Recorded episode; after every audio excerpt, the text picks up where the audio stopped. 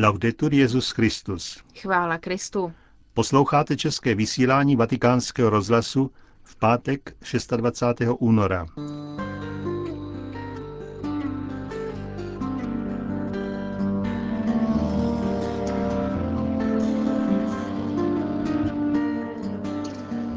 Jako každý pátek vám přinášíme promluvu otce kardinála Tomáše Špidlíka, před ní ještě krátké zpravodajství.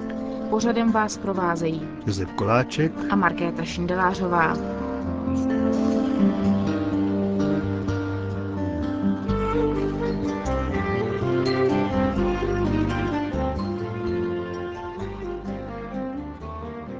Zprávy vatikánského rozhlasu.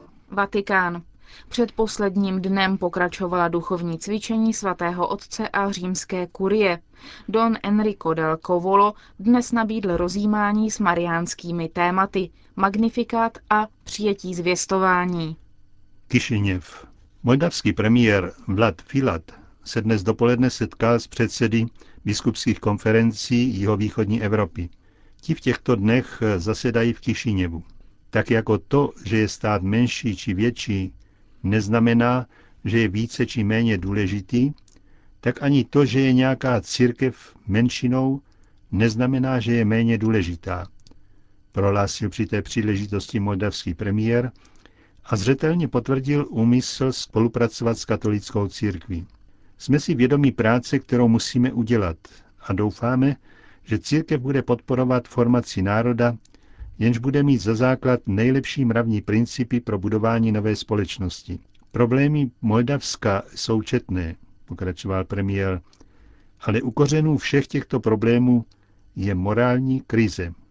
Musíme se ke kořenům problémů vrátit. Církev musí hrát svou roli na cestě Moldavska do Evropy.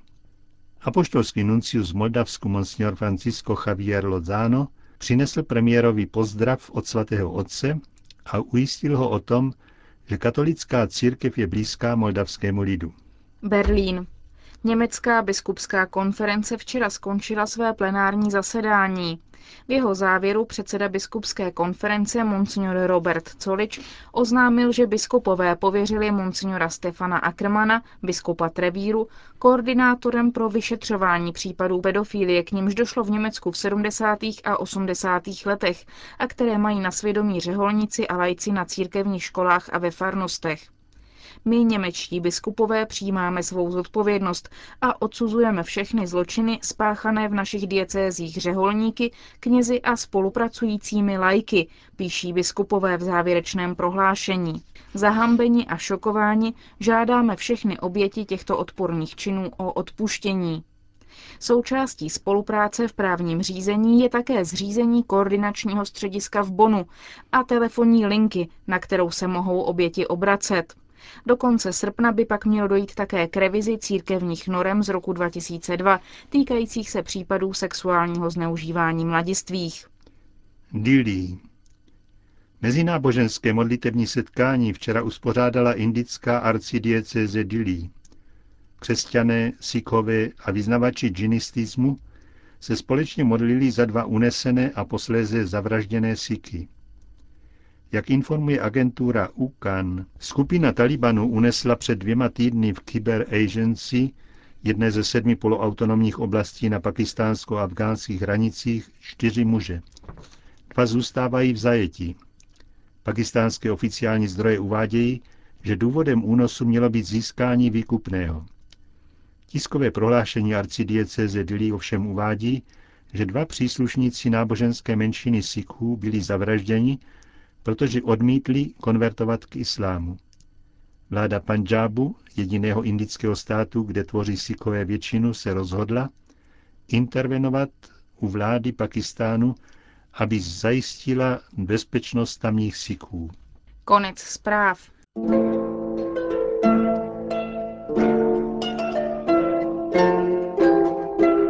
Proměnění páně. Pravidelná promluva otce kardinála Tomáše Špidlíka.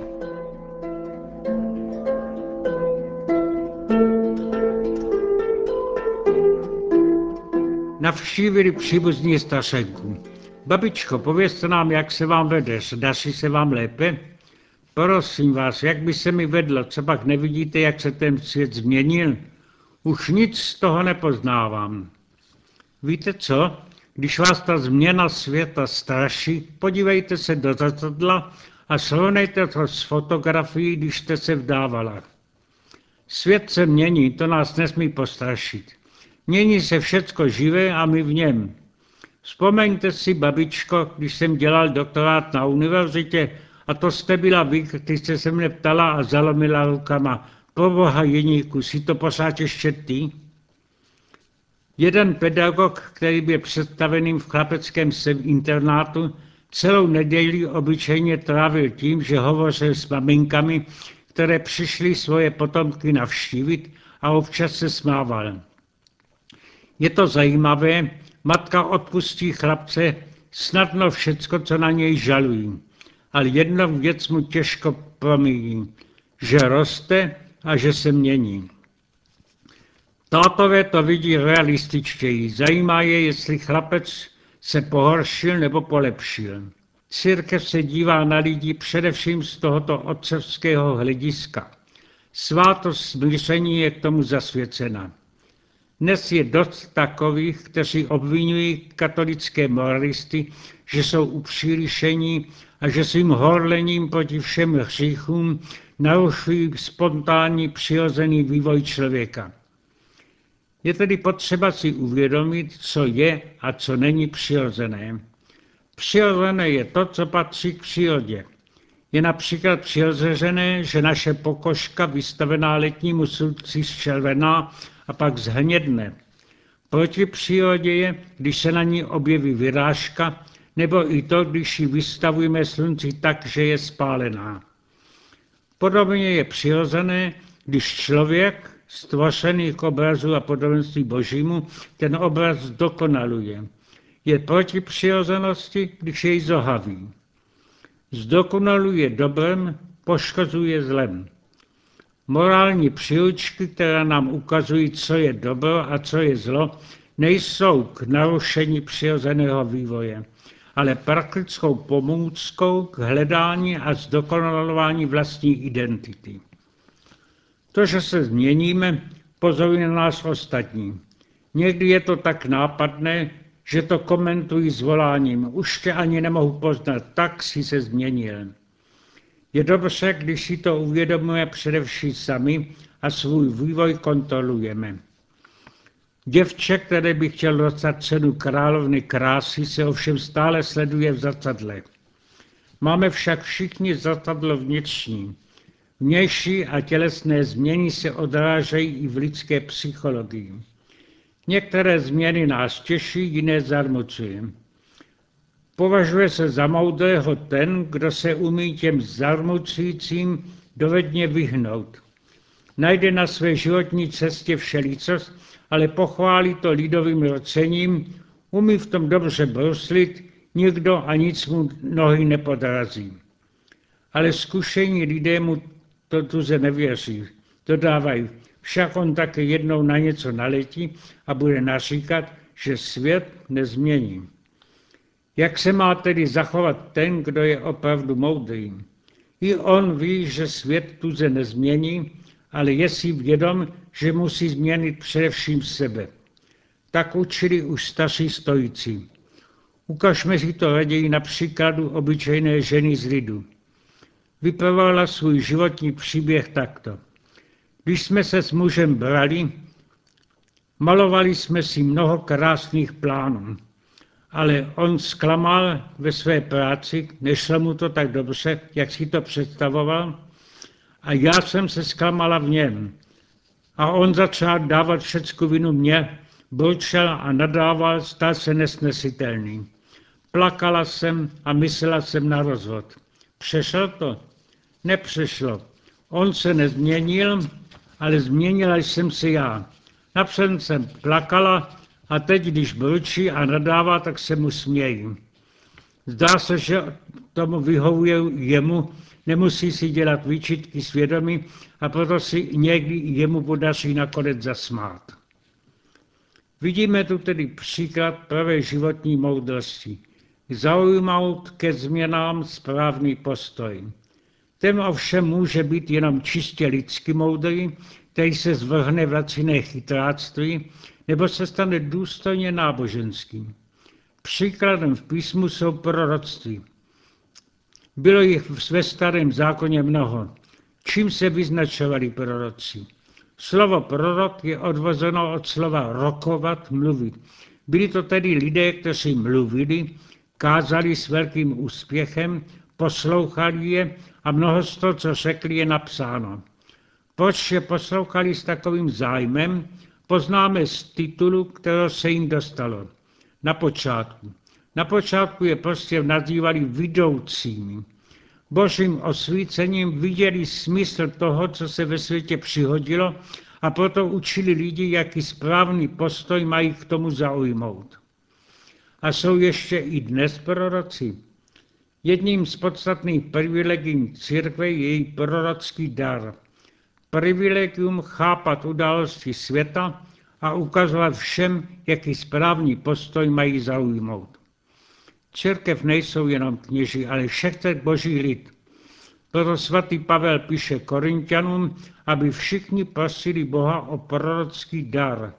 To je ve všech okolnostech, aby poznali, jakým mají zaujmout postoj k tomu, co je potkalo, co se ve světě děje.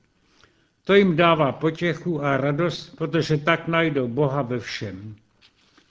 Nejlepším příkladem takového osvícení, o kterém čteme v Novém zákoně, je historie proměnění páně na hoře Tábor.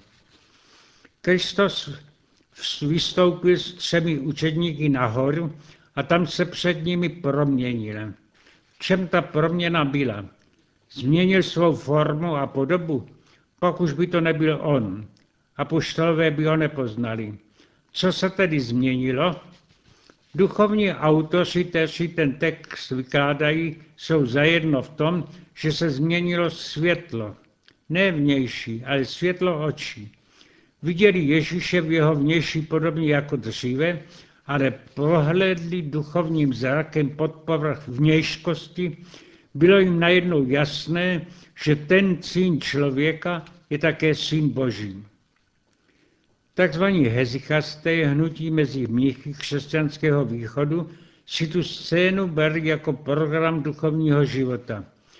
Prosit Boha a snažit se o očistu srdce, abychom dostali i my světlo tábora, schopnost vidět ve všem boží prozřetelnost, přítomnost Krista. To nám přinese štěstí všecky hezichia, proto se to hnutí nazvalo hezichazmem.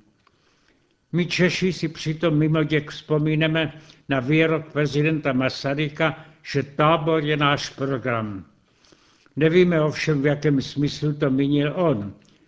V jiném smyslu než my o tom uvažují i ti, kdo dnes propagují jisté meditace převzané z dalekého východu, i oni jsou hezichasté, usilují o dosažení duchovního štěstí a míru. Ale jejich metoda je jiná. Chtějí se cvičit v zapomenutí světa i sebe, aby byli seda ponošeni do oceánu božství. Křesťanský Bůh je stvořitel světa a Kristus do světa vstoupil, aby svět spasil. Proto se i my naučíme snažit o to, abychom ve světě ho našli a uviděli. V tom smyslu platí alespoň i pro nás, že tábor je náš program.